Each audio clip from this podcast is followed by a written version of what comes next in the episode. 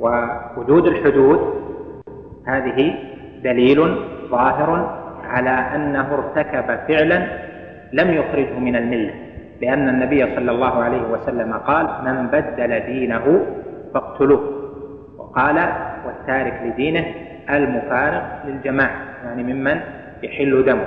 فدل على أن وقوع هذه الذنوب من العبد تطهر بهذه الحدود وليست كفرا لأنها لو كانت كفرا لكان يقتل ردة لقوله من بدل دينه فاقتلوه ويدل عليه أيضا أن ولي الدم في القتل يعفو فإذا عفا له السلطان إن شاء عفا وإن شاء أخذ.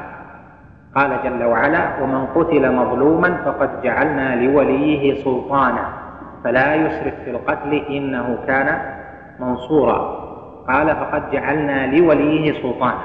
وهذا يدل على أن الحق هنا للمخلوق. وأما الردة فهي حق لله. يعني أما الردة فجزاؤها حق لله جل وعلا ليس لولي قتل لولي المقتول. فدلت هذه الأدلة ودل غيرها على بطلان قول الخوارج وعلى ظهور قول أهل السنة والجماعة في هذه المسألة لأن صاحب الذنب من الكبائر العملية التي ذكرنا بعضا منها أنه لا يخرج من الإسلام بحصول الذنب منه يعني بحصول ذنب منه أو بحصول كل ذنب أو أي ذنب منه يعني ليس كل ذنب مخرجا له من ذلك بل الكبائر العملية ليست كذلك يعني مخرجة له من الإسلام خلافا لقول الخوارج والمعتزلة في التخليد في النار. وأما الجملة الثانية وهي قوله ولا نقول لا يضر مع الإيمان ذنب لمن عمله فهذه أيضا فيها مخالفة للمرجئة الذين يقولون لا يضر مع الإيمان ذنب كما لا ينفع مع الكفر طاعة. والأدلة دلت على أن الذنوب تؤثر في الإيمان. قال جل وعلا في ذكر القاتل ومن يقتل مؤمنا متعمدا فجزاؤه جهنم خالدا فيها وقال جل وعلا في الربا الذين يأكلون الربا لا يقومون إلا كما يقوم الذي يتخبطه الشيطان من المس. وقال جل وعلا في المرابين فإن لم تفعلوا فأذنوا بحرب من الله ورسوله وإن تبتم فلكم رؤوس أموالكم لا تظلمون ولا تظلمون. وشرع الله جل وعلا الحد في السرقة السارق والسارقة فاقطعوا أيديهم وشرع الجلد في القلب وفي الزنا. إلى آخر ذلك وهذا يدل على أن هذه الأمور أثرت في الإيمان. هذه الكبائر أثرت في الإيمان. والأحاديث عن النبي عليه الصلاة والسلام في هذا الباب كثيرة. لا يدخل الجنة قتال. لا يدخل الجنة قاطع رحم. وهذا تأثير في الإيمان بسبب هذه الكبيرة. المسألة الثانية هذه الجملة اشتملت على معتقد فيه النهي عن التكفير والتكفير تكفير أهل القبلة بأي ذنب حرام والخوض في مسائل التكفير بلا علم أيضا حرام وقد يكون من كبائر الذنوب بل هو من كبائر الذنوب وذلك لأوجه. الأول أن الإسلام والإيمان ثبت في حق الشخص في حق المعين بدليل شرعي فدخل في الإسلام بدليل فإخراجه منه بغير حجة من الله جل وعلا أو من رسوله صلى الله عليه وسلم من القول على الله بلا علم ومن التعدي ومن تعدي حدود الله ومن التقدم بين يدي الله جل وعلا ويدي رسول بين يدي رسوله صلى الله عليه وسلم. وهذا فيه تحذير من هذا الأمر الجلل وهو مخالفة ما ثبت بدليل إلى الهوى أو إلى غير دليل. لهذا يقول العلماء من ثبت إيمانه بدليل أو بيقين لم يزل عنه اسم الإيمان بمجرد شبهة عرضت أو تأويل تأوله بل لا بد من حجة بينة لإخراجه من الإيمان. كما يقول ابن تيمية ولا بد من إقامة حجة تقطع عنه المعذرة. الثاني من الأوجه في خطر التكفير وما تضمنته هذه الكلمة من معتقد أهل السنة والجماعة أن التكفير خاض فيه الخوارج وهم أول الفئات التي خاضت في هذا الأمر. والصحابة رضوان الله عليهم أنكروا عليهم أبلغ الإنكار بل عدوهم رأس أهل الأهواء. وأول مسألة خاض فيها الخوارج وسببت التوسع في التكفير هي مسألة الحكم بغير ما أنزل الله حيث احتجوا على علي رضي الله عنه بأنه حكم الرجال وكانوا من جيش علي بأنه حكم الرجال على كتاب الله. لما حصلت واقعة التحكيم بين أبي موسى الأشعري وبين عمرو بن العاص رضي الله عنهما. فقال حكم الرجال على كتاب الله فهو كافر فكفروا عليا رضي الله عنه وأرضاه. استدلالا بقوله جل وعلا ومن لم يحكم بما أنزل الله فأولئك هم الكافرون. فذهب إليهم ابن عباس يناظرهم حتى احتج عليهم بقول الله جل وعلا فابعثوا حكما من أهله وحكما من أهلها إن يريد إصلاحا يوفق الله بينهما الآية. فرجع ثلث الجيش. وبقي طائفة منهم على ضلالهم وظهرت فرق كثيرة من الخوارج.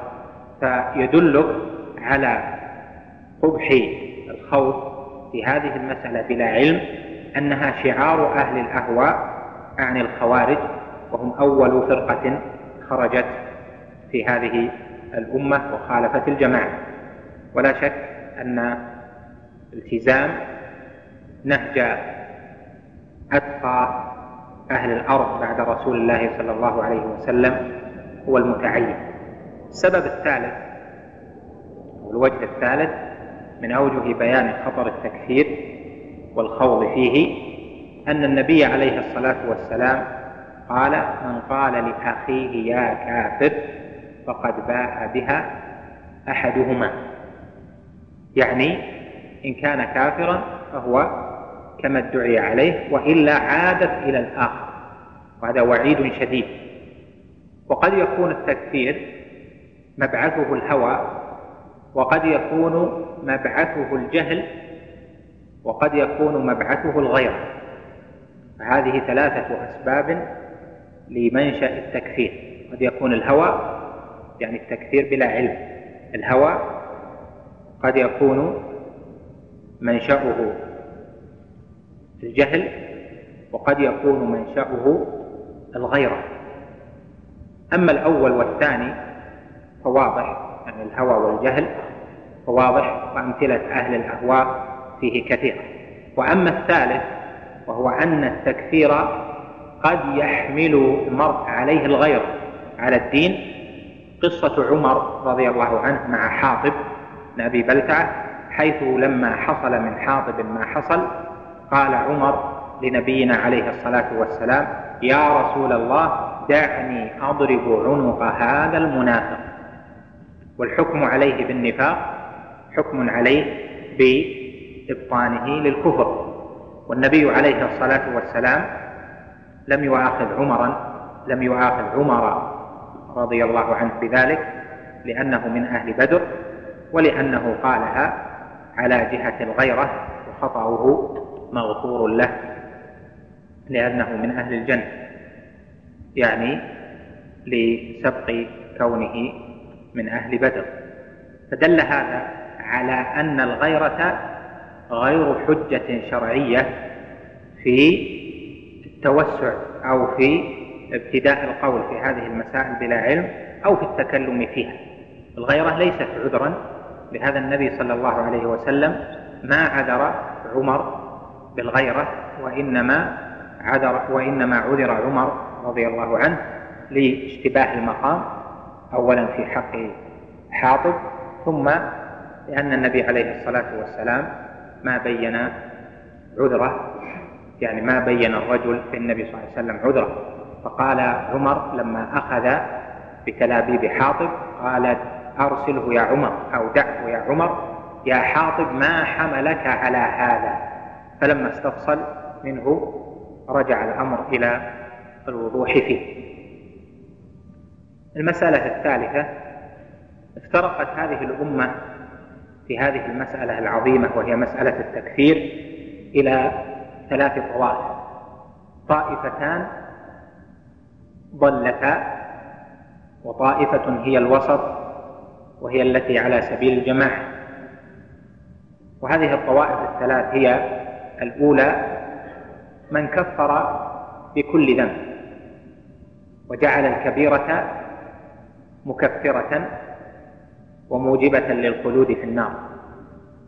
وهؤلاء هم الخوارج والمعتزلة وطوائف من المتقدمين ومن أهل العصر أيضا ممن يشركهم في هذا الأصل والعياذ بالله. الثاني الطائفة الثانية من قالت إن المؤمن لا يمكن أن يخرج من الإيمان إلا بانتزاع التصديق منه القلبي وحصول التكذيب.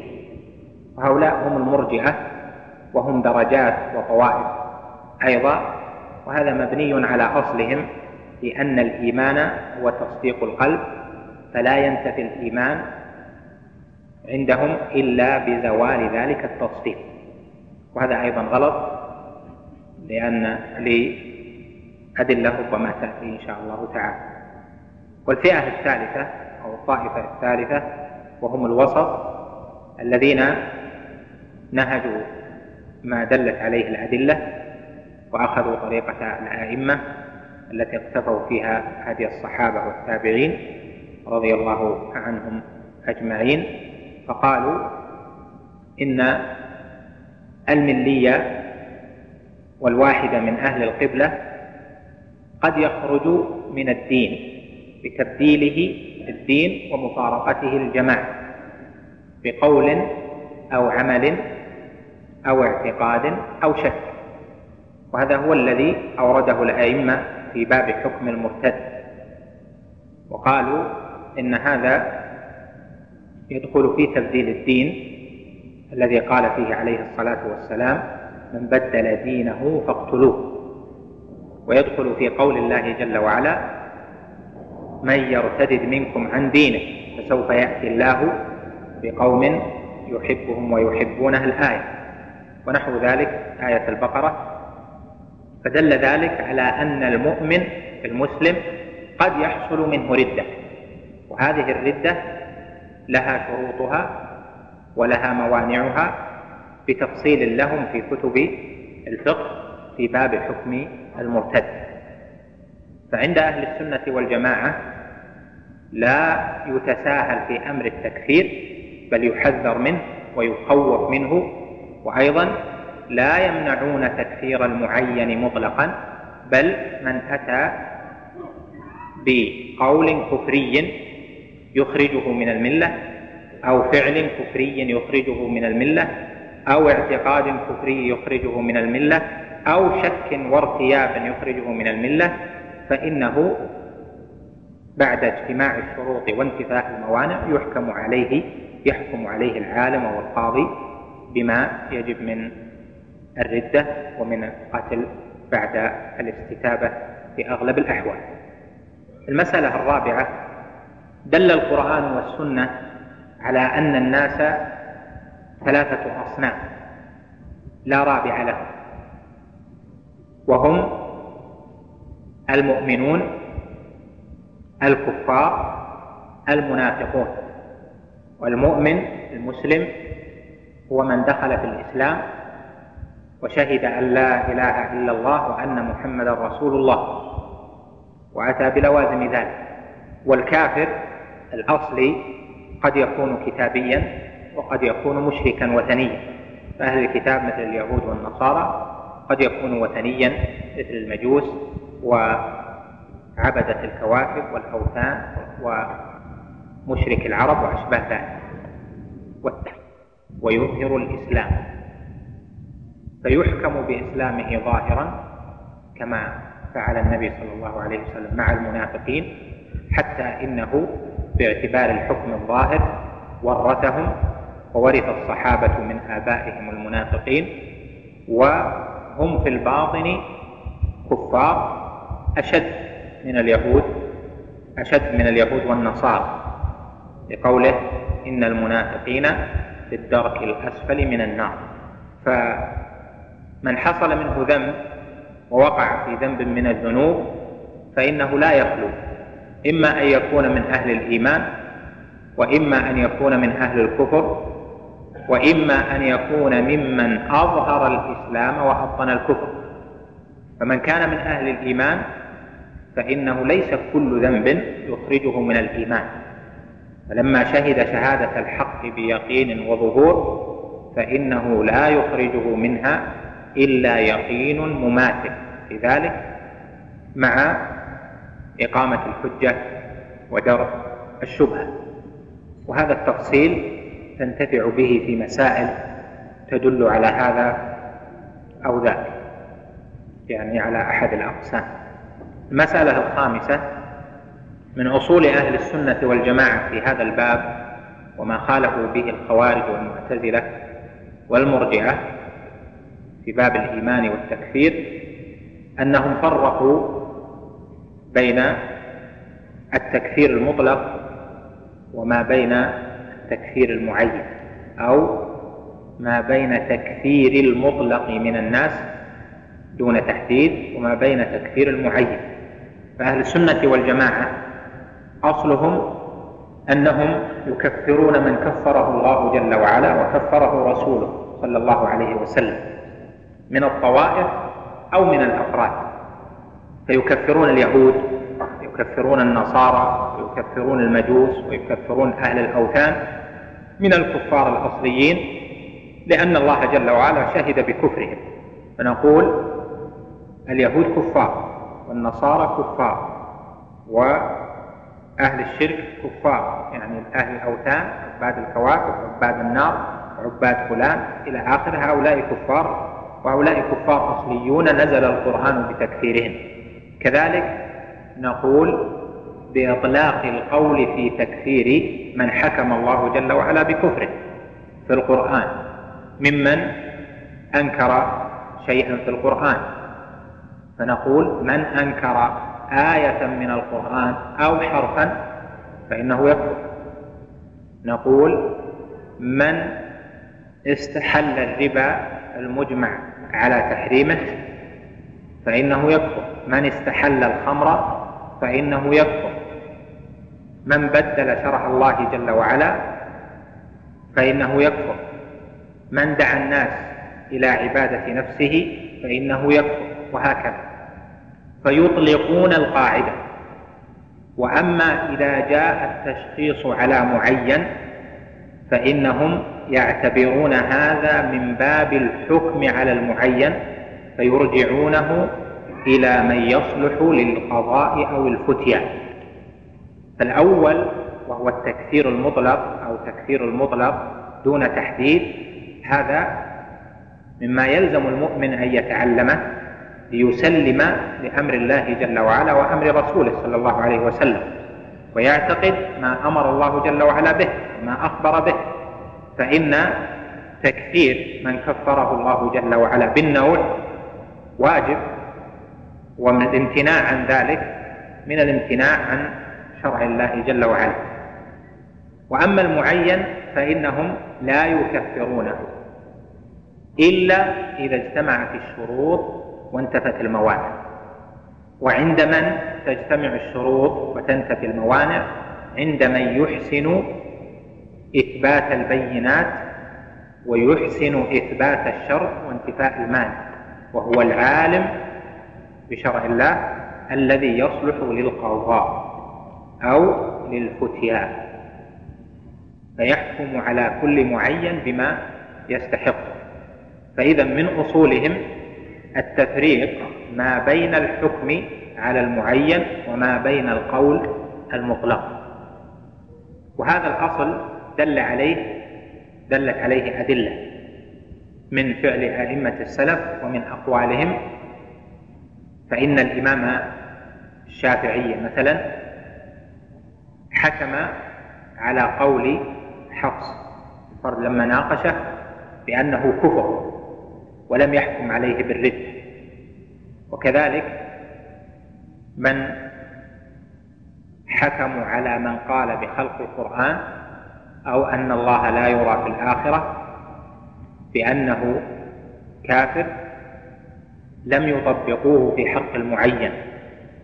لهذا الإمام أحمد لما حكى أو قال بتكفير من قال بخلق القرآن لم يكفر عينا أمير المؤمنين في زمانه الذي دعا إلى ذلك. بل أمراء المؤمنين الثلاث المأمون ثم الواثق ثم المعتصم ثم الواثق. حتى جاء عهد المتوكل. فاستدل منه أئمة أهل الإسلام كما يقول شيخ الإسلام ابن تيمية على أن إطلاق الكفر غير تعيين الكافر.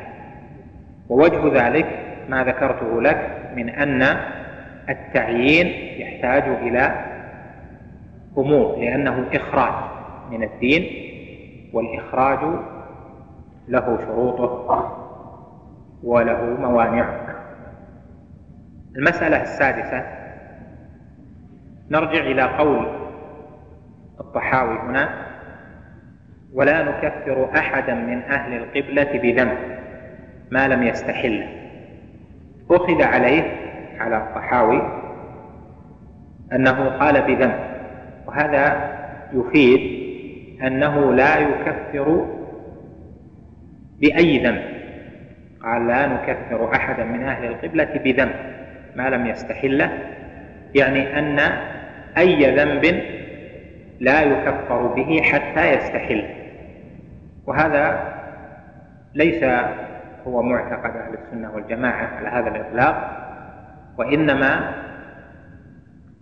يعبرون بتعبير آخر وهو مراد الطحاوي يقولون ولا نكفر أحدا من أهل القبلة بمجرد ذنب كما يقوله طائفة من أئمة الدعوة أو لا نكفر أحدا من أهل القبلة بكل ذنب كما يقوله طائفة أيضا من العلماء المتقدمين ومنهم شارح الطحاوية تبعا لغيره. فإذا قول قول الطحاوي لا نكفر أحدا من أهل القبلة بذنب المقصود به الذنوب العملية من الكبائر كالخمر والزنا والسرقة وقذف المحصنات والتولي يوم الزحف ونحو ذلك من كبائر الذنوب العملية التي كفر الخوارج بها. ويدل على هذا أن العقيدة مصنفة لبيان ما يخالف به أهل السنة أهل البدع والخوارج وما تميزت به الجماعة. ومعلوم أن الخوارج خالفوا في تكفير مرتكب الكبيرة مثل القتل والزنا وشرب الخمر والسرقة وأشباه ذلك. فخالفهم بهذا القول. يعني لا نكفر بهذه الذنوب بذنب يعني من الذنوب العملية التي كفر بها الخوارج أو خلد أصحابها في النار المعتزلة. ويدل عليه أنه قال بعدها ما لم يستحله والاستحلال غالبه في الذنوب العملية. المسألة السابعة قوله ما لم يستحله الاستحلال معه يكون مرتكب الكبيرة كافرا والاستحلال هو اعتقاد كون هذا الفعل حلالا. قال ابن تيمية رحمه الله في كتابه الصارم المسلول على شاتم الرسول صلى الله عليه وسلم والاستحلال أن يعتقد أن الله جعله حلالا أو أن الله لم يحرمه. فإذا اعتقد أن هذا الشيء حلال أو أن الله لم يحرم هذا سواء كان حلالا على الأمة جميعا أو حلالا عليه هو وسواء كان عدم التحريم على الجميع أو عليه هو لأنها صورتان فإن هذا هو الاستحلال. فإذا ضابط الاستحلال المكفر هو الاعتقاد. وذلك أن الاستحلال فيه جحد لكون هذا الذنب محرما. لأنه إذا قال الخمر حلال فإنه جحد تحريمه. ويأتي صلة ما بين الجحد والتكذيب والاستحلال في المسألة التي تليها إن شاء الله تعالى. فإذا ضابط الاستحلال المكفر أن يعتقد كون هذا المحرم حلالا وله صورتان. أن يعتقد كون أن يعتقد كونه حلالا له دون غيره وهذه تسمى الامتناع. الصورة الثانية أن يعتقد كونه حلالا مطلقا له ولغيره وهذه تسمى التكذيب أو الجحد المطلق. فالاستحلال المكفر هو الاستحلال بالاعتقاد. قال بعض أهل العلم. وأما ما جاء في حديث أبي عامر أو أبي مالك الأشعري الذي في البخاري معلقا بل موصولا وهو قوله عليه الصلاة والسلام ليستحلن ليكونن من أمتي أقوام يستحلون الحرى يعني الزنا والحرير والخمر والمعازف.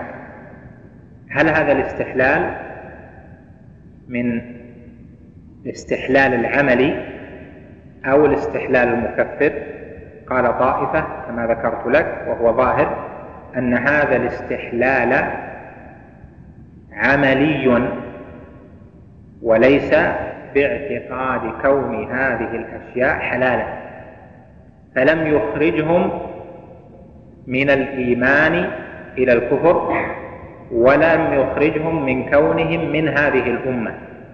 لقوله ليكونن من أمتي. فجعلهم بعض هذه الأمة. وهذا يلمع إليه كلام ابن تيمية وكذلك لحافظ بن حجر ولجماعة. وهو ظاهر في أن المدمن للذنوب المدمن للذنوب يكون فعله فعل المستحل لكن ليس اعتقاده اعتقاد المستحل فقال يستحلون يعني يستحلون عملا. لا اعتقادا لأجل ملازمتهم لها وإدمانهم على هذه الذنوب. فضابط الكفر في الاستحلال الذي ذكره هنا ما لم يستحله يعني ما لم يعتقد أن الله لم ي... أن الله لم يحرم هذا أو أن الله أباح هذا أو أن هذا الأمر حلال أو ليس بحرام إلى آخره.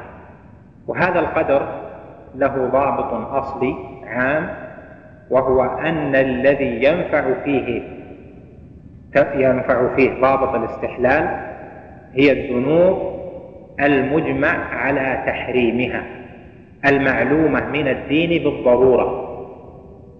أما إذا كان الذنب مختلفا فيه إما في أصله أو في صورة من صوره فإنه لا يكفر من اعتقد حل هذا الأصل المختلف فيه يعني في أصله أو الصورة المختلف فيها يوضح ذلك النبيذ الذي أباحه طائفة من التابعين من أهل الكوفة وأباحه طائفة من الحنفية أو من أباح ما أسكر كثيره ولم يسكر قليله.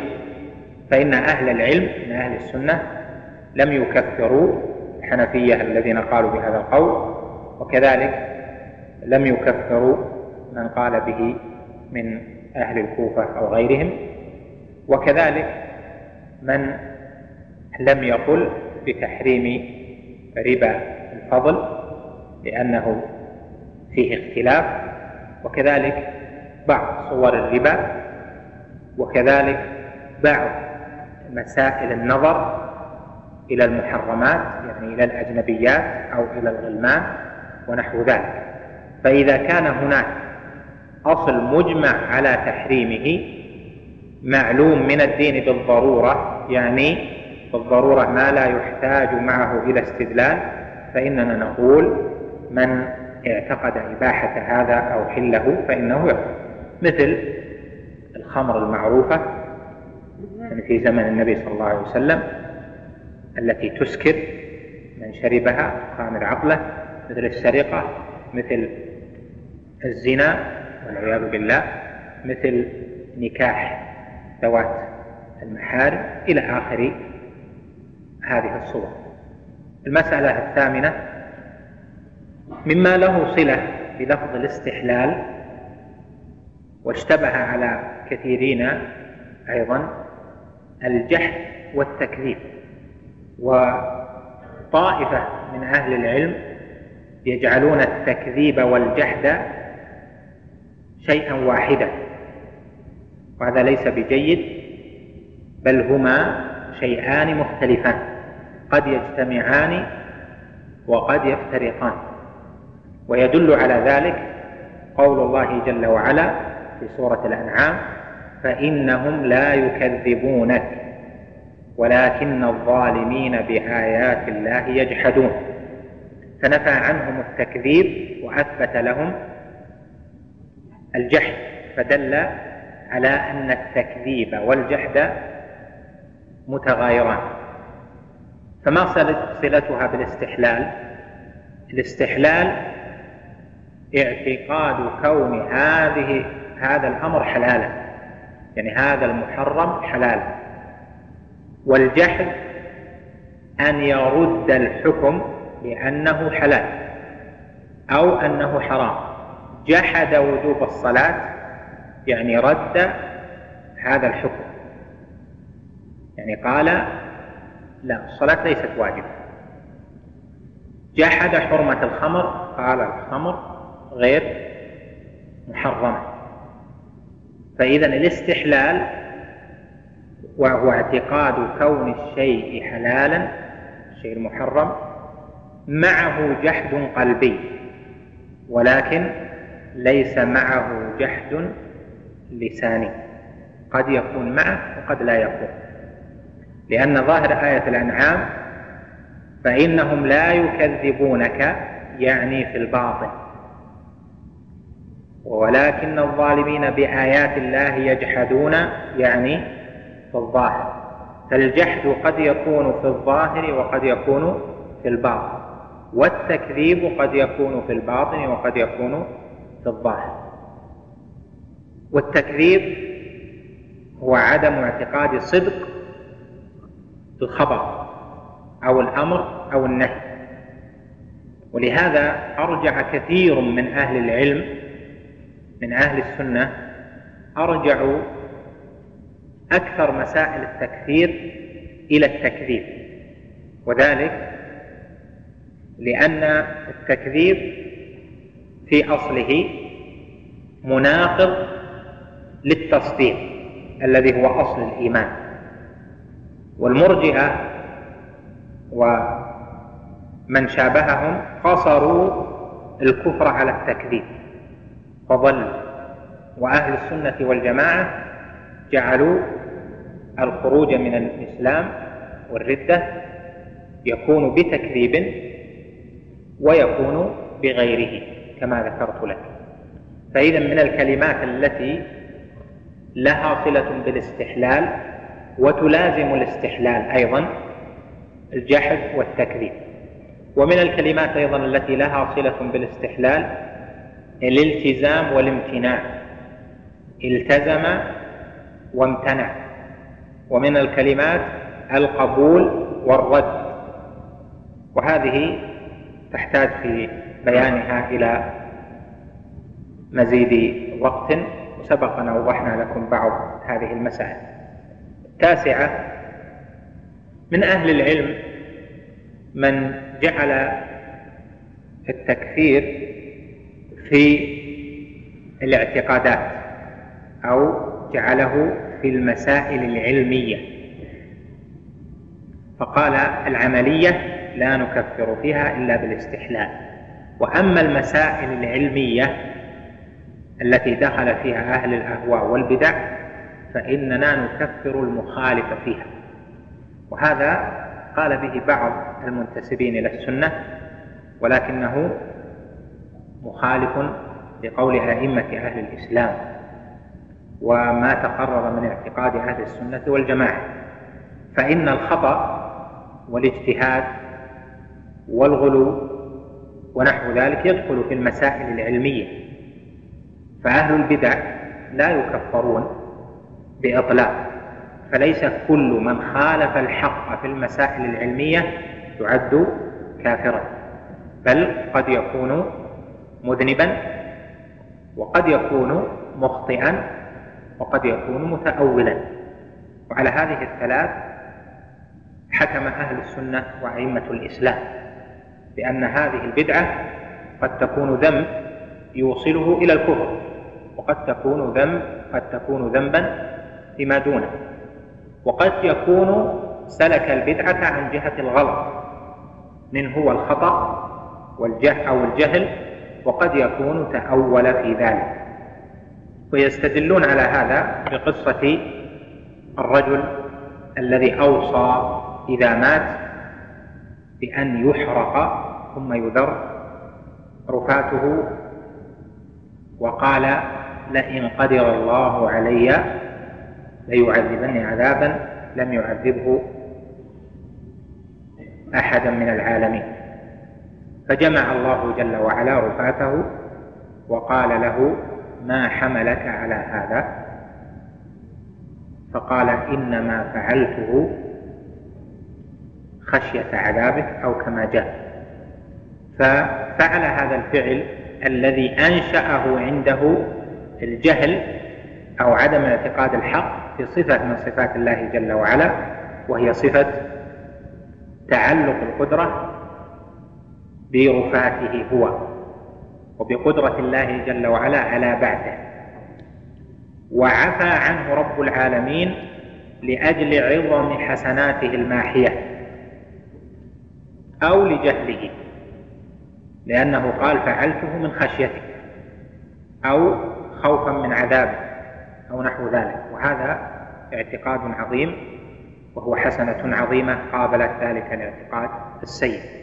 فدل على أن الاعتقادات البدعية والمخالفة للحق قد يعفى عن صاحبها.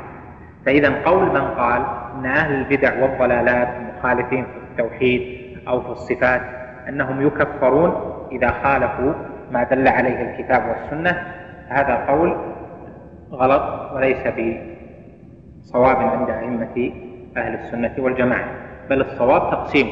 فمنهم من يكون كافرا إذا قامت عليه الحجة الرسالية ودفعت عنه الشبهة وبين له. ومنهم من يكون مذنبا لأنه مقصر في البحث عن الحق. ومنهم من يكون متأولا. ومنهم من يكون مخطئا. ومنهم من له حسنات ماحية. يمحو الله جل وعلا بها سيئة. المسألة التي بعدها العاشرة. نطول عليكم لأن المسألة هذه مهمة. المسألة العاشرة أن التكفير يشترط تكفير المعين يشترط فيه إقامة الحجة. وإقامة الحجة شرط في أمرين. الأول في العذاب الأخروي يعني في استحقاق العذاب الأخروي. والثاني في استحقاق الحكم الدنيوي. والدليل على ذلك قول الله جل وعلا وما كنا معذبين حتى نبعث رسولا. وكذلك قوله ومن يشاقق الرسول من بعد ما تبين له الهدى فشرط لتولية مشاق ما تولى وجعل جهنم له وساءت مصيرا أن يكون تبين له الهدى. واتبع غير سبيل المؤمنين. ومن يشاقق الرسول من بعد ما تبين له الهدى ويتبع غير سبيل المؤمنين نوله من تولى ونصره جهنم وساءت مصيرا وكذلك قوله جل وعلا وما كان الله ليضل قوما بعد إذ هداهم حتى يبين لهم ما يتقون وكذلك قوله جل وعلا وأضله الله على علم وختم على سمعه وقلبه وجعل على بصره غشاوة فمن يهديه من بعد الله. وكذلك قوله جل وعلا واتل عليهم نبأ الذي آتيناه آياتنا فانسلخ منها فأتبعه الشيطان فكان من الغاوين. ولو شئنا لرفعناه بها ولكنه أخلد إلى الأرض واتبع هواه. هذه كلها فيها اشتراط العلم وإقامة الحجة. وكل رسول بعث لإقامة الحجة على العباد. إذا تبين هذا فإن إقامة الحجة تحتاج إلى مقيم وإلى صفة. أما المقيم فهو العالم بمعنى الحجة العالم بحال الشخص واعتقاده. وأما صفة الحجة فهي أن تكون حجة رسالية بينة. قال جل وعلا وما أرسلنا من رسول إلا بلسان قومه ليبين لهم. اشترط أهل العلم أن تكون الحجة رسالية يعني أن تكون قول الله جل وعلا وقول رسوله صلى الله عليه وسلم. يعني أما إن كانت عقلية وليس المأخذ العقلي من النص فإنه لا يكتفى فيه في إقامة الحجة بل لا بد أن تكون الحجة رسالية. لهذا يعبر ابن تيمية ويعبر ابن حزم جماعة بأن تكون الحجة رسالية لأنها يرجع فيها من لم يأخذ بالحجة إلى رد ما جاء من الله جل وعلا ومن رسوله صلى الله عليه وسلم. وأما فهم الحجة فإنه لا يشترط في الأصل. ومعنى عدم اشتراطه أننا نقول ليس كل من كفر كفر عن عناد بل وربما كفر بعد بلاغ الحجة إبلاغه الحجة وإيضاحها له لأن عنده مانع من هوى أو ضلال منعه من فهم الحجة. قال جل وعلا وجعلنا على قلوبهم أكنة أن يفقهوه. والآيات في هذا المعنى متعددة. أما فهم الحجة ما معنى فهم الحجة؟ يعني أن يفهم وجه الاحتجاج أن يفهم وجه الاحتجاج بقوة هذا الحجة على شبهته. وعند الشبهة في عبادة غير الله عنده شبهة في استحلاله لما حرم مما أجمع على تحريمه لكن يبلغ بالحجة الواضحة بلسانه ليفهم معنى هذه الحجة. فإن بقي أنه لم يفهم كون هذه الحجة راجحة على حجته فإن هذا لا يشترط. يعني في الأصل. لكن في بعض المسائل جعل عدم فهم الحجة يعني كون الحجة راجحة على ما عنده من الحجج جعل مانعا من التكفير كما في بعض مسائل الصفات. يعني أن أهل السنة والجماعة من حيث التأصيل اشترطوا إقامة الحجة ولم يشترطوا فهم الحجة في الأصل. لكن في مسائل اشترطوا فيها فهم الحجة وهذا الذي يعلمه من يقيم الحجة وهو العالم الراسخ في علمه الذي يعلم حدود ما أنزل الله جل وعلا على رسوله صلى الله عليه وسلم. المسألة الحادية عشرة قوله ولا نقول لا يضر مع الإيمان ذنب لمن عمله هذا فيه مخالفة للمرجئة والمرجئة جعلوا أصل الإيمان التصديق. وجعلوا هذا التصديق لا لا يتأثر زيادة ولا نقصا وإنما هو شيء واحد. لذلك لم يجعلوا الإيمان يزيد وينقص ولم يجعلوا التصديق أيضا واليقين يزيد وينقص بل جعلوه شيئا واحدا. لهذا لم يجعلوا ذنبا يضر مع الإيمان. والمرجئة في هذا على درجات مختلفة. يأتي بيانها إن شاء الله تعالى عند قول المؤلف والإيمان هو الإقرار باللسان والتصديق بالجنان المسألة الثانية عشرة والأخيرة أن هاتين المسألتين وهي ما خالف فيه أهل السنة الخوارج وما خالفوا فيه المرجئة فرع لأصل ومثال لقاعدة وهي قاعدة الوسطية لأهل السنة والجماعة بين فرق أهل الضلال. فهم وسط في باب الأسماء والأحكام يعني في أبواب الإيمان والكفر ما بين الخوارج والمعتزلة الوعيدية وما بين المرجئة في قول أولئك وقول هؤلاء. فهم يحذرون من الذنوب ويتوعدون بها ويتوعدون بالكفر ولكن لا يخرجونه من الإيمان إلا بعد تمام الشروط وانتفاء الموانع. فهم أعني أهل السنة والجماعة ثبتني الله وإياكم على طريقتهم لهم في ذلك الطريق الوسط. في هذا الباب وفي باب الأسماء والصفات وفي الأمر بالمعروف والنهي عن المنكر وفي جميع أبواب الدين بل وجميع أبواب الشريعة يعني في أصولها. لهذا فالطريقة المثلى هي أن يكون المرء بين طرفي الغلو والجفاء. فالغلو مذموم بأنواعه والجفاء مذموم أيضا لأنه قصور عن أمر الله والغلو أيضا مذموم لأنه زيادة على أمر الله جل وعلا والحق فيما بينهما. أسأل الله جل وعلا أن يجعلني وإياكم من الهداة المهتدين وأن يعلمنا ما ينفعنا وأن يزيدنا من الفقه في الدين ومن متابعة سنة سيد المرسلين. وأن يغفر لنا ولآبائنا وأمهاتنا وأن يشفي قلوبنا من الأدواء والأهواء وأن يشفي أبداننا من الأمراض.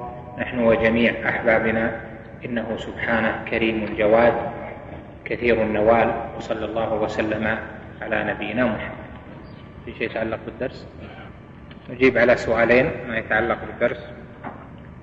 ما حكم الحكم بغير ما أنزل الله؟ مسألة الحكم بغير ما أنزل الله ذكرها الشارح ضمن الكلام في المسألة. على اعتبار أنها ذنب من الذنوب والكلام فيه هل يكفر أو لا يكفر نقل فيها كلام ابن القيم رحمه الله. ولم أتطرق لها مع علمي بما ذكره الشارح لأجل أنها مسألة طويلة الذيول تحتاج إلى بحث وتفصيل فيها. لعلها لعل لها مكان آخر إن شاء الله تعالى. يقول كان من المفترض قول القائل كان من المفترض أن يحل الله هذا. بعض الناس يستعمل هذه الكلمة وما يقصد ظاهر الكلام. لا ظاهر الكلام شنيع بشع لأنه يكون الشيء حرمه الله جل وعلا ويقول هو من المفترض أن يكون حلالا هذا اعتراض واعتقاد أو تثبيت أنه حلال. لكن بعض الناس يستعمل هذه العبارة من جهة رأيه وما عنده فيقول في المسائل إذا تجادل اثنان أو أكثر يقول من المفترض أن هذا يصير مباح لعدم علمه لا لأجل مثلا ما يقولها مثلا في الخمر من المفترض أنه يكون الخمر حلال أو الزنا إنما في المسائل المشتبهة التي لا يعرف وجهتها. فإذا هذه الكلمة لابد فيها من التفصيل قالها في أي ذنب وما السياق ولكنها من الكلمات الوخيمة. هل يحكم على اليهودي المعين الذي مات على اليهودية بأنه من أهل النار؟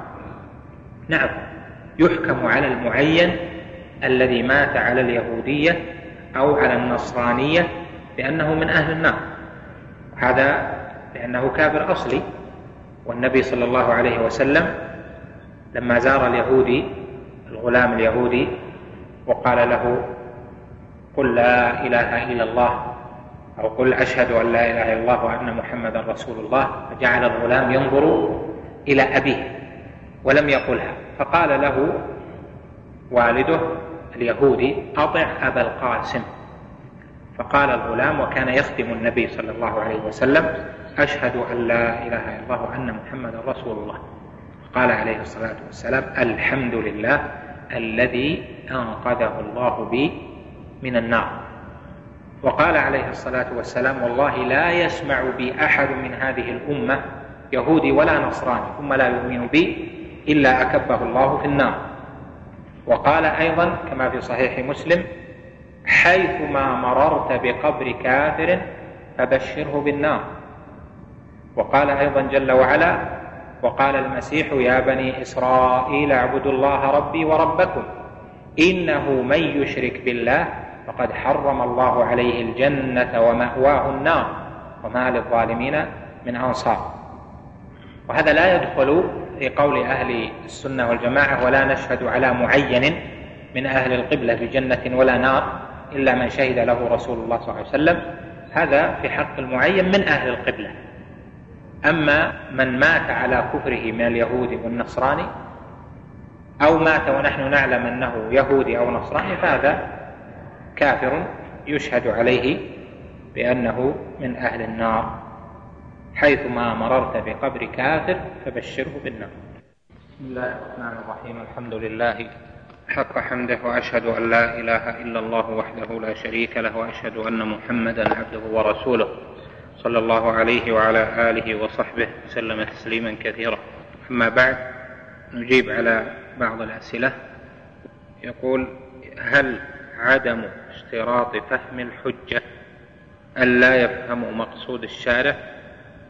ذكرنا لكم مرارا أن العلماء الذين نصوا على أن فهم الحجة ليس بشرط في صحة قيام الحجة بنوا على الدليل وهو قول الله جل وعلا وجعلنا على قلوبهم أكنة أن يفقهوا فالله جل وعلا جعل على القلوب أكنة لئلا يفهموه. دل على أن الفهم والفقه فقه الحجة ليس بشرط. لأن إقامة الحجة بالقرآن تلاوة القرآن عليهم وهم أهل اللسان كاف في قيامها فصار إذن الحال مشتمل على أن إقامة الحجة شرط ومعنى إقامة الحجة أن تكون الحجة من الكتاب أو من السنة أو من الدليل العقلي الذي دل عليه القرآن أو السنة وأن فهم اللسان العربي فهم معنى الحجة بلسان من أقيمت عليه هذا لا بد منه لأن المقصود من إقامة الحجة أن يفهم معاني هذه الكلمات أن يفهم معنى الحديث أن يفهم معنى الآية.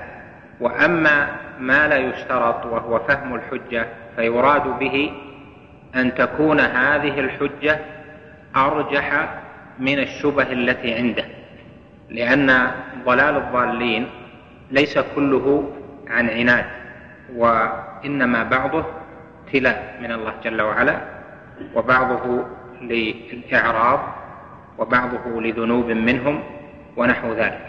لهذا فإن فهم الحجة على قسمين. يراد بفهم الحجة فهم معاني الأدلة. هذا لا بد منه. فلا يكتفى في إقامة الحجة على أعجمي. لا يفهم اللغة العربية أن تتلى عليه آية في اللغة العربية وهو لا يفهم معناه. ويقال قد بلغه القرآن والله جل وعلا يقول لأنذركم به ومن بلغ. هذا ليس بكاف. لا بد أن تكون الحجة بلسان من أقيمت عليه ليفهم المعنى. قال سبحانه وما أرسلنا من رسول إلا بلسان قومه ليبين لهم. المعنى الثاني لفهم الحجة أن يفهم كون هذه الحجة أرجح من شبهته التي عنده. المشركون كما قررنا لكم في شرح كشف الشبهات عندهم علم وعندهم كتب وعندهم حجج كما أخبر الله جل وعلا في كتابه. فهم حجة الرسول عليه الصلاة والسلام فهم القرآن فهم حجة النبي عليه الصلاة والسلام العقلية التي أدلى بها عليهم بعد الوحي. هذه معناها أن يفهموا المعنى. إذا كانوا هم فهموا المعنى لكن مثل ما يقول القائل بعد ما اقتنع أن هذه الحجة أقوى من الشبهة التي عنده فهذا ليس بشرط. فإذا ما يشترط من فهم الحجة هو القسم الأول وهو فهم المعنى. فهم دلالة الآية باللغة العربية ونحو ذلك. أما فهم الحجة بمعنى كون هذه الحجة أرجح في المقصود وأدل على بطلان عبادة غير الله أو على بطلان الباطل هذا ليس بشرط. المهم يفهم معناها ودلالتها ثم بعد ذلك الله جل وعلا يضل من يشاء ويهدي من يشاء. ولذا كان الإمام أحمد رحمه الله أقام الحجة على أحمد بن أبي دؤاد والمعتصم فلما لم يكفرا مع إصرارهم على البدعة؟ وإن كان لم يقم عليهما الحجة فلماذا لم يقم عليهما الحجة مع أنه في موقف يجب عليه إقامة الحجة؟ هذا السؤال يحتاج إلى تفصيل وتفصيله ينبني على فهم واقع فتنة خلق القرآن. وفي الجملة منهج أهل السنة وأهل العلم أنهم يجعلون هذه الفتنة فيها شبهة فلم يكفروا بحصول الفتنة لا من جهة الوالي ولا من جهة من أجاب من المسلمين لكن من أهل العلم من كفر ابن أبي دؤاد وكفر أمثاله العلماء. لأن العالم يفهم حجة القرآن وإذا كان بقيت عليه الشبهة في مثل هذا الأمر العظيم فإنه إما أن يكون مقصرا وإما يعني مقصرا في البحث عن الحق وإما أن لا يكون. فإن كان مقصرا في البحث عن الحق مع قربه منه فلا يلومن إلا نفسه وهذا لا يمنع من الحكم عليه بالكفر عينه وإذا كان غير مقصر في البحث عن الحق ولكن بقيت الشبهة عنده فهذا لا بد من أن تزال عنه الشبهة مع اختلاف المسائل في ذلك. لكن هذا الكلام بخصوص القول بخلق القرآن. فمن أهل العلم من كفر ابن أبي دعاد ومنهم من لم يكفره عينا لأجل الشبهة التي عنده. كما ذكرنا لكم مسائل المعتزلة والخوارج في مثل مسألة خلق القرآن ونفي رؤية الله جل وعلا في الآخرة ونحو ذلك أئمة أهل السنة يكفرون بالنوع يكفرون بالمطلق يعني التكفير المطلق ولا يكفرون الأعيان إلا بعد اجتماع الشروط وانتفاء الموانع. وهذه كما ذكرنا يقيمها من يصلح لإقامتها من أهل القضاء أو الفتيان. ذكرت أن منهج أهل السنة عدم الحكم على أحد بالتكفير إلا بعد إقامة الحجة وحكم العلماء عليه. كيف نجمع بينه وبين من يقول ويصف أن الأمة الإسلامية غائبة؟ يعني كيف نجمع بينه وبين بين منهج أهل السنة ومنهج آه، أهل البدع؟ ما يجمع بينهما. كل له وجهة فهو موليها ولكل وجهة هو موليها. فاستبقوا الخيرات. هل من فعل, من فعل الذنب من الكبائر وجاهر به وأصبح يتاجر فيه كالغنى نقول إنهم لا يؤمنون بتحريمها واستخفوا بها فنحكم بردتهم عن الإسلام. الكبائر لها حد يعني بمعنى لها تعريف. وذكرنا تعريفها عدة مرات ويأتينا إن شاء الله تعالى في موضعه من شرح الطحاوية بتفصيل. فالحكم على الغنى بأنه من الكبائر هذا فيه نظر لأن الغنى تغني بالصوت تغني بالصوت قد يكون معه قد يكون مشتملا على كلام قبيح كفر أو نفاق أو دونه من التشبيب بالنساء أو باستباحة المحرمات أو نحو ذلك وقد يكون الكلام لا يشتمل على ذلك. ثم هو قد يكون مصاحبا بمعازف وقد لا يكون مصاحبا بمعازف. فقول القائل إنه أصبح يتاجر فيه كالغناء إن هذا من الكبائر لا يختلف الحال فيه. فلهذا من جهة إثبات الكبيرة لا بد فيه من تفصيل. ما هو الغنى كلها كبيرة؟ ليس بصحيح يعني بهذا الإطلاق. طالب العلم لازم يكون يدقق في ألفاظه. إذا قال واحد الغنى من الكبائر ليس صحيح هذا الكلام فلا بد من التفصيل فيه وهذا يرتبط بتعريف الكبيرة.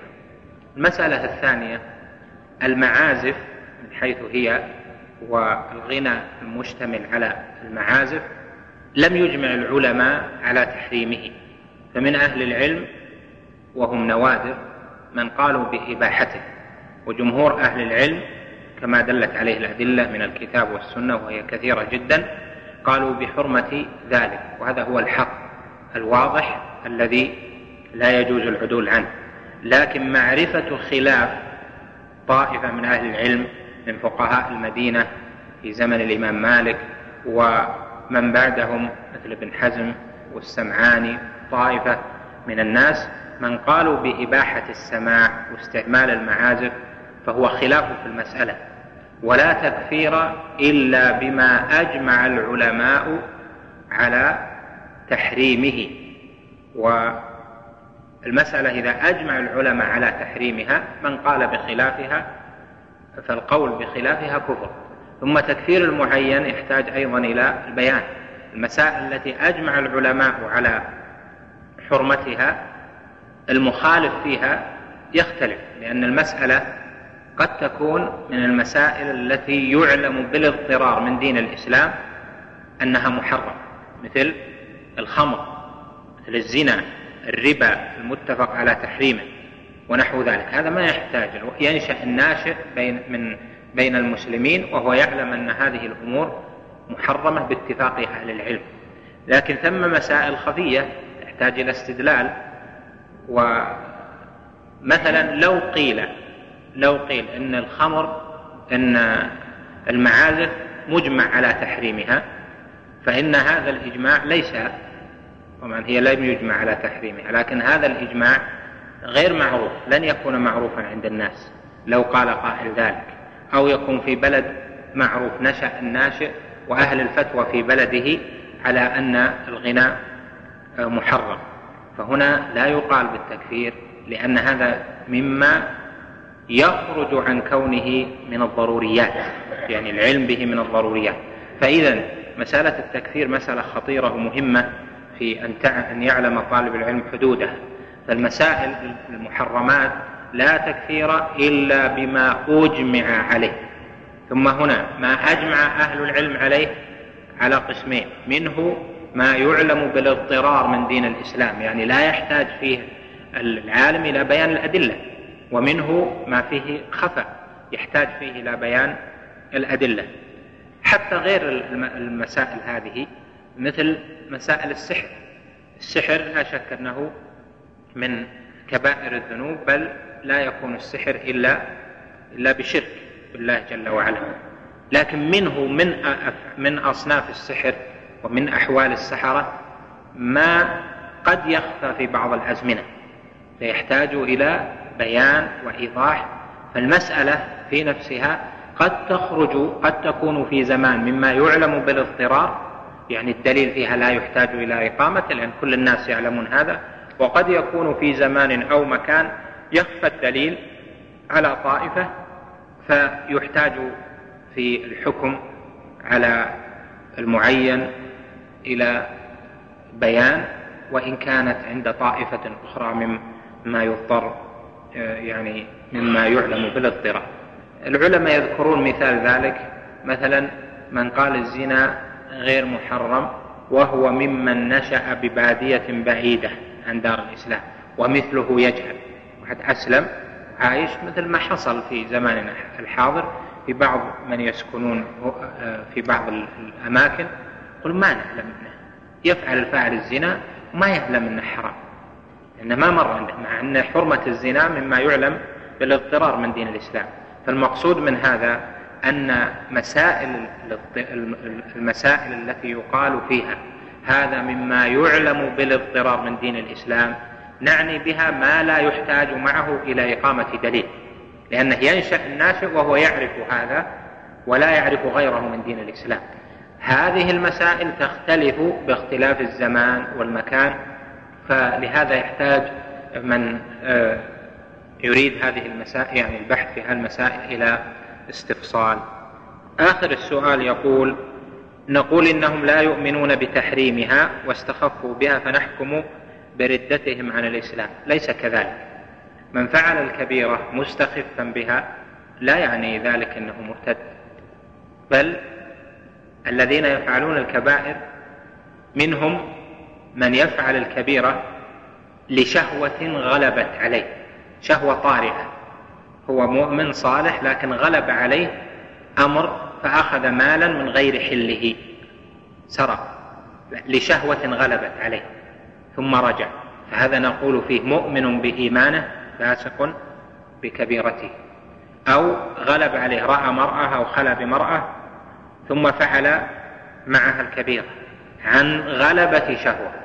هذا لا يخرجه ما فعل عن كونه مؤمنا إذا تاب وأناب فغلبة الشهوة تبقي اسم الإيمان إذا تاب وأناب الحالة الثانية فعل الكبيرة الذي يخرج معه المؤمن من الإيمان إلى الإسلام وهو إذا استخف بالكبيرة يعني تهاون بها وهو يعلم أنها كبيرة ويعلم أنها عاصي أقام عليها واستمر على فعل الكبيرة فهذا يخرج من اسم الإيمان إلى اسم الإسلام لأن الإيمان الحق الإيمان بالله وملائكته وكتبه ورسله واليوم الآخر وبالقدر الإيمان الحق بهذه الإيمان الكامل لا يجتمع معه مع صاحبه في مداومة الكبائر.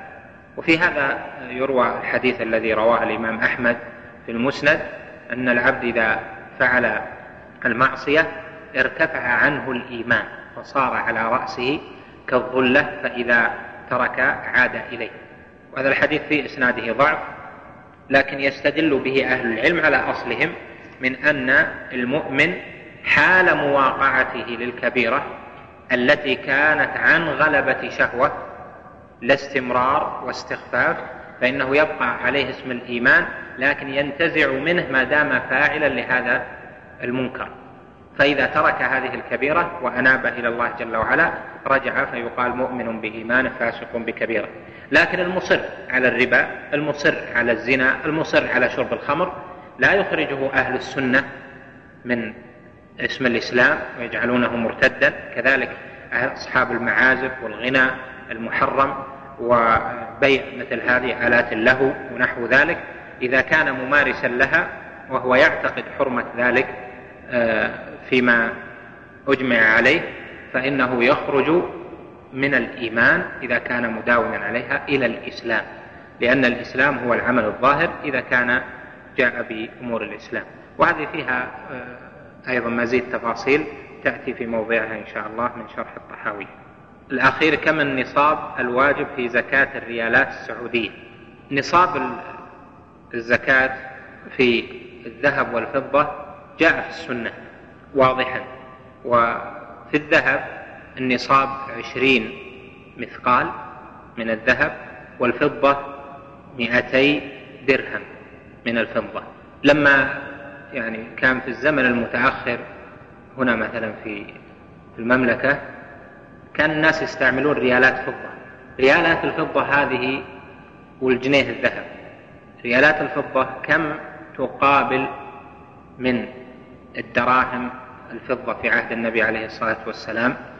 وكذلك الذهب كم يقابل من المثاقيل؟ فجعلوا ريال العربي الذي تجب فيه الزكاة طبعا بالوزن بالمقابلة جعلوه ستة وخمسين ريالا. فضة عربي. وبالنسبة للجنيه جنيه الذهب المعروف جعلوه أحد عشر جنيها وثلاثة أسباع الجنيه.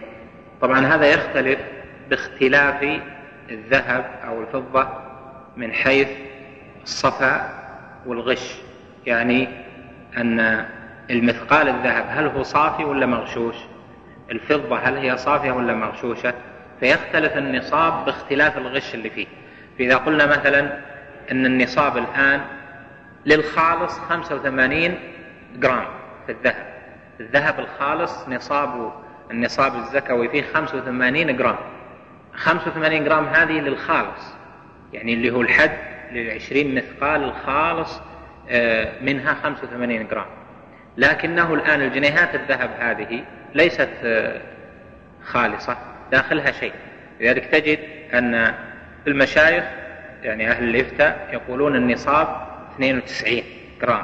ليش بعضهم يقول 85 والآخر يقول 92 من قال 85 باعتبار الأصل يعني شيء نظري آه، المطلق بدون الوجود. 92 على اعتبار 21 جرام.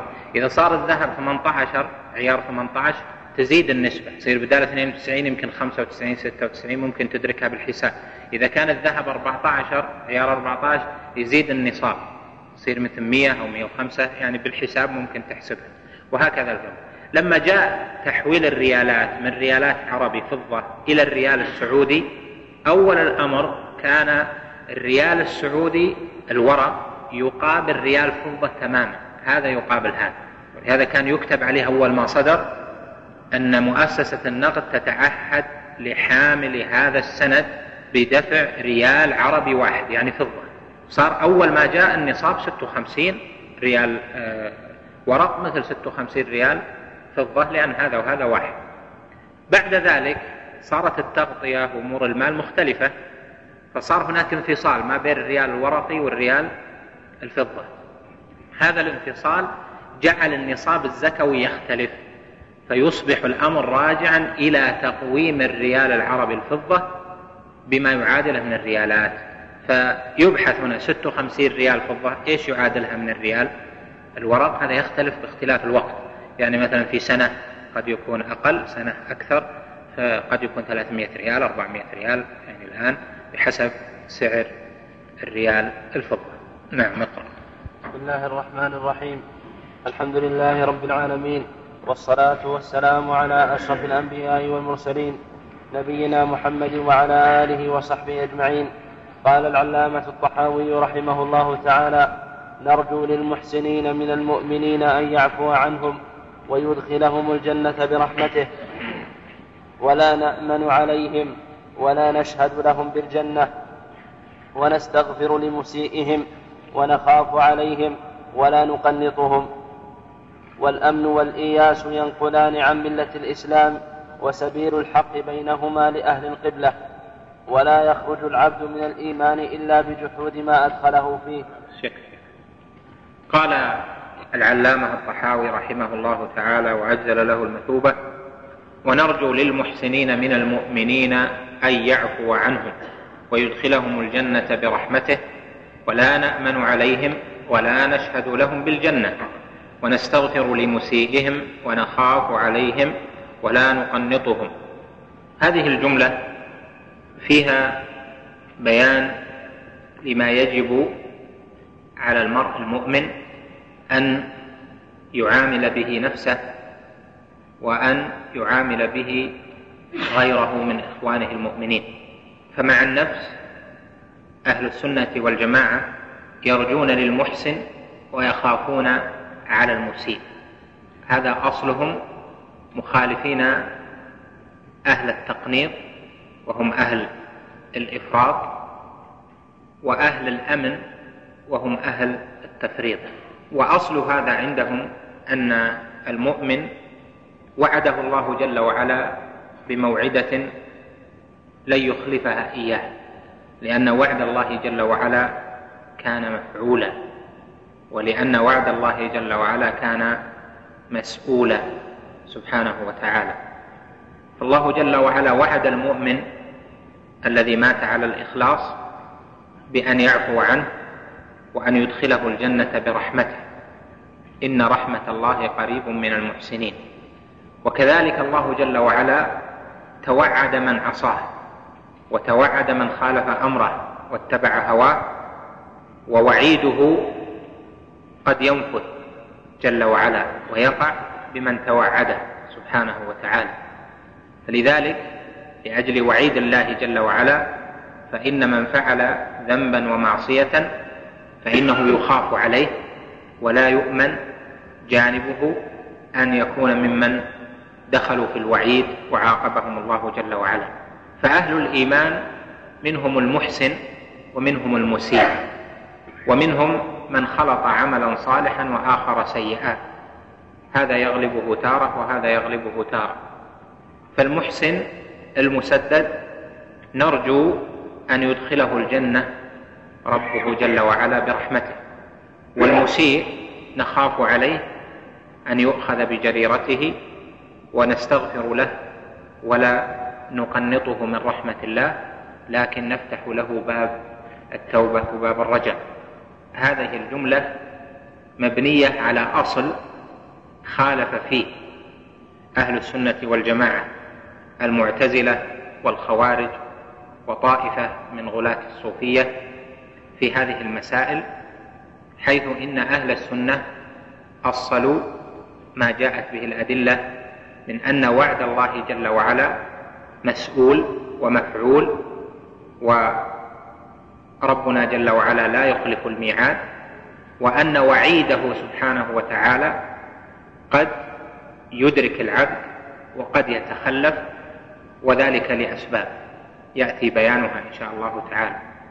فالمقصود من هذه الجملة أن أهل السنة والجماعة يعملون الوعد فيرجون للمحسن ويعملون الوعيد لأنه قد يتحقق فيخافون على المسيء.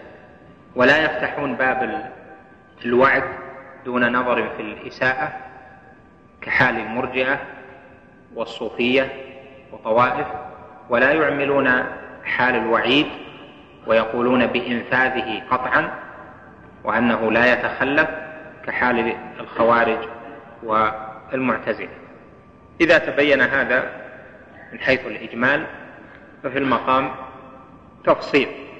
نذكره في مسائل الأولى أن الرجاء للمحسن بالعفو وعدم الأمن والاستغفار للمسيء والخوف عليه هذا عقيدة يتعامل بها المرء مع نفسه وكذلك مع المؤمنين فمع نفسه تسره حسنته وتسوءه سيئته. ويرجو لنفسه إذا أحسن ويأمل ويطمع في أن يدخله الله الجنة برحمته لا بعمله ولا يأمن على نفسه أن يقلب الله جل وعلا قلبه. وكذلك لا ينظر إلى نفسه بعمل صالح عمله أنه استوجب به الجنة. فدائما ينظر إلى نفسه ما بين إحسانها بأن يطمع بثواب الله ورحمته وإذا أساءت فإنه يخاف ولا يقنط من رحمة الله جل وعلا. هذا مع نفسه. وكذلك مع المؤمنين فإنه ينظر إليهم بهذا الأصل. فمن مات من أهل الإيمان فإنه يرجو أن يعفو الله جل وعلا عنه وأن يدخلهم الله الجنة برحمته. ومن مات من أهل الإساءة فإنه يستغفر للمسيء ويخاف عليه ولا يقنط من أساء من الأحياء وكذلك لا يقنط نفسه في من أساء من أن يعفو الله عمن مات. المسألة الثانية الرجاء للمحسن من المؤمنين بالعفو هذا يشمل كل أحد حتى من لم يعرف لنفسه ذنبا. وذلك لقول النبي عليه الصلاة والسلام للصديق أبي بكر رضي الله عنه بأن يدعو في آخر صلاته بقوله رب إني ظلمت نفسي أو اللهم إني ظلمت نفسي ظلما كثيرا ولا يغفر الذنوب إلا أنت فاغفر لي فإنك أنت الغفور الرحيم. فقول أبي بكر اللهم إني ظلمت نفسي ظلما كثيرا هذا تبع لهذا الأصل وهو أن المحسن من المؤمنين حتى صاحب المقامات العالية الصديق رضي الله عنه يرجو أن يعفو الله عنه وأن يدخله الجنة برحمته ولا يأمن.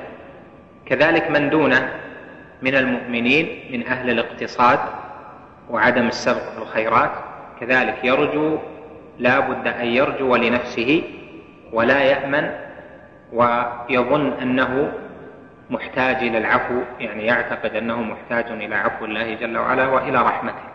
المسألة الثالثة الجمع ما بين الرجاء للمحسن والاستغفار للمسيء.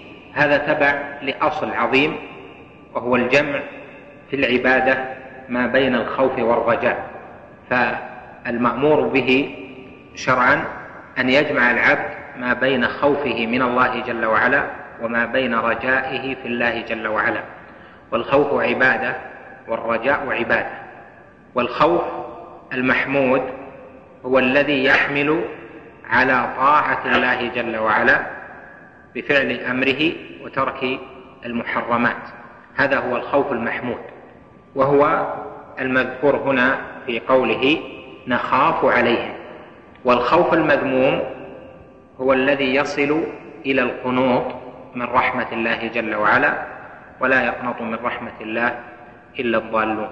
الخوف من الله جل وعلا عبادة مستقلة تحمل على فعل الأمر واجتناب النهي هذا اولا. وثانيا تحمل على عدم رؤية العمل الصالح يعني رؤية أثره. وكذلك على عدم رؤية العمل السيء في أنه موقع صاحبه وأنه مهلك له. والله جل وعلا مدح عباده الذين يخافون في كتابه في مواضع كثيرة كقول الله جل وعلا في وصف الملائكة يخافون ربهم من فوقهم ويفعلون ما يؤمرون. وأمر الله جل وعلا بالخوف في قوله فلا تخافوهم وخافوني إن كنتم مؤمنين. وقال جل وعلا يا عبادي فاتقون وذكر خاصة عباده بالخوف من المرسلين فقال سبحانه إنهم كانوا يسارعون في الخيرات ويدعوننا رغبا ورهبا. فأصل الخوف من الله جل وعلا عبادة عظيمة لا تستقيم العبادة إلا بها ولا يستقيم الإيمان إلا بالخوف.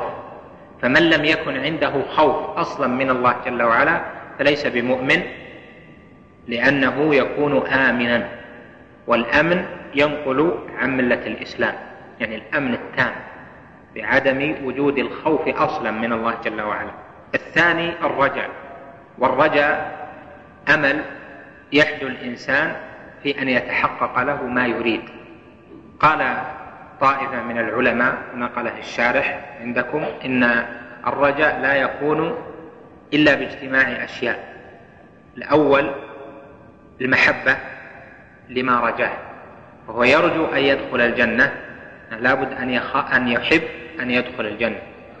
الثاني الخوف وهو أن يخاف مما يقطع عليه أمله يخاف من الذنوب يخاف من الكفر يخاف من النفاق أن يقطع عليه أمله في دخول الجنة.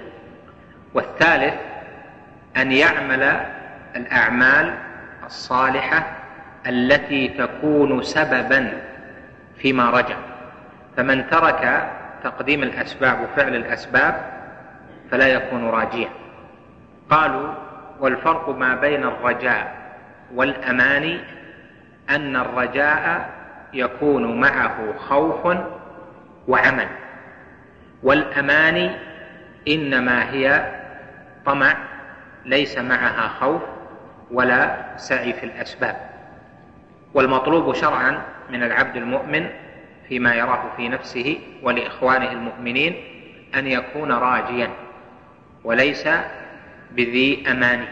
قال الله جل وعلا ليس بأمانيكم ولا أماني أهل الكتاب من يعمل سوءا يجز به. فإذا دل هذا القول هذا الكلام من الطحاوي على الأصل الشرعي وهو أن العبد ينظر إلى نفسه في عبادته وفي أثر عبادته إلى أنه يجمع ما بين الخوف والرجاء وكذلك في نظره وإلى إخوانه المؤمنين. المسألة الرابعة اختلف العلماء في الخوف والرجاء هل يجب تساويهما أم يرجح أحدهما على الآخر على أقوال؟ القول الأول أن يغلب جانب الخوف مطلقا والثاني القول الثاني أن يغلب جانب الرجاء مطلقا والقول الثالث أن يستوي عند العبد الخوف والرجاء والقول الرابع التفصيل.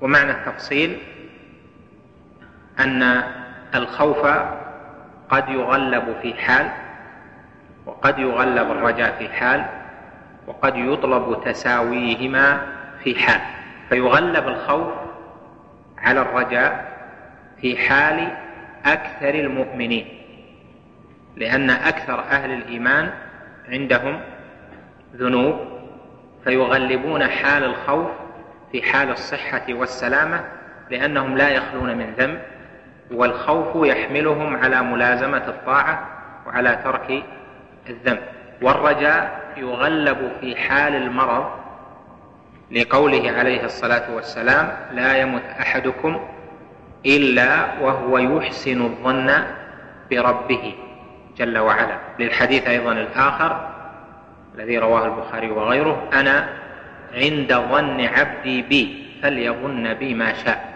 فدل هذا على أن رجاء العبد مطلوب وإذا كان في حال المرض المخوف أو في أي مرض كان فيه فإنه يغلب جانب الرجاء على الخوف. وفي حال يستوي فيها الرجاء والخوف وهو في حال التعبد. إذا أراد العبادة ودخل في العبادة فإنه يخاف ويرجو. يخاف الله جل وعلا ويرجو ربه جل وعلا. يخاف الذنب يخاف العقاب ويرجو الثواب. وهذا القول الأخير هو الصحيح وهو الذي عليه أهل التحقيق. ومن قال من أهل العلم أنه يغلب جانب الخوف مطلقا نظر إلى أن حال أكثر المنتسبين حالهم على ذنب وعلى قصور فتغليب جانب الخوف في حقهم يردهم إلى الحق. ومن قال يغلب جانب الرجاء دائما عمم قوله عليه الصلاة والسلام قال الله تعالى أنا عند ظن عبدي بي فليظن بي ما شاء. ومن قال بالاستواء دائما نظر إلى قول الله جل وعلا إنهم كانوا يسارعون في الخيرات ويدعوننا رغبا ورهبا. وكذلك قوله جل وعلا أولئك الذين يدعون يبتغون إلى ربهم إلى ربهم الوسيلة أيهم أقرب ويرجون رحمته ويخافون عذابه. إن عذاب ربك كان محذورا. والتفصيل هو الصحيح لأن الأحوال تختلف باختلاف المقامات والناس. المسألة الخامسة قوله نرجو للمحسنين من المؤمنين أن يعفو عنهم. قوله المحسن من المؤمنين للمحسنين من المؤمنين هذا على مورد التقسيم من أن أهل الإيمان منهم المحسن ومنهم المسيء. وليس شرطا في رجاء العفو أن يكون من أهل الإحسان وإنما المؤمن إما أن يكون محسنا وإما أن يكون مسيئا. أخي المستمع الكريم تابع ما تبقى من مادة هذا الشريط على الشريط التالي. مع تحيات تسجيلات الراية الإسلامية بالرياض هاتف رقم أربعة تسعة واحد واحد تسعة ثمانية خمسة. والسلام عليكم ورحمة الله وبركاته.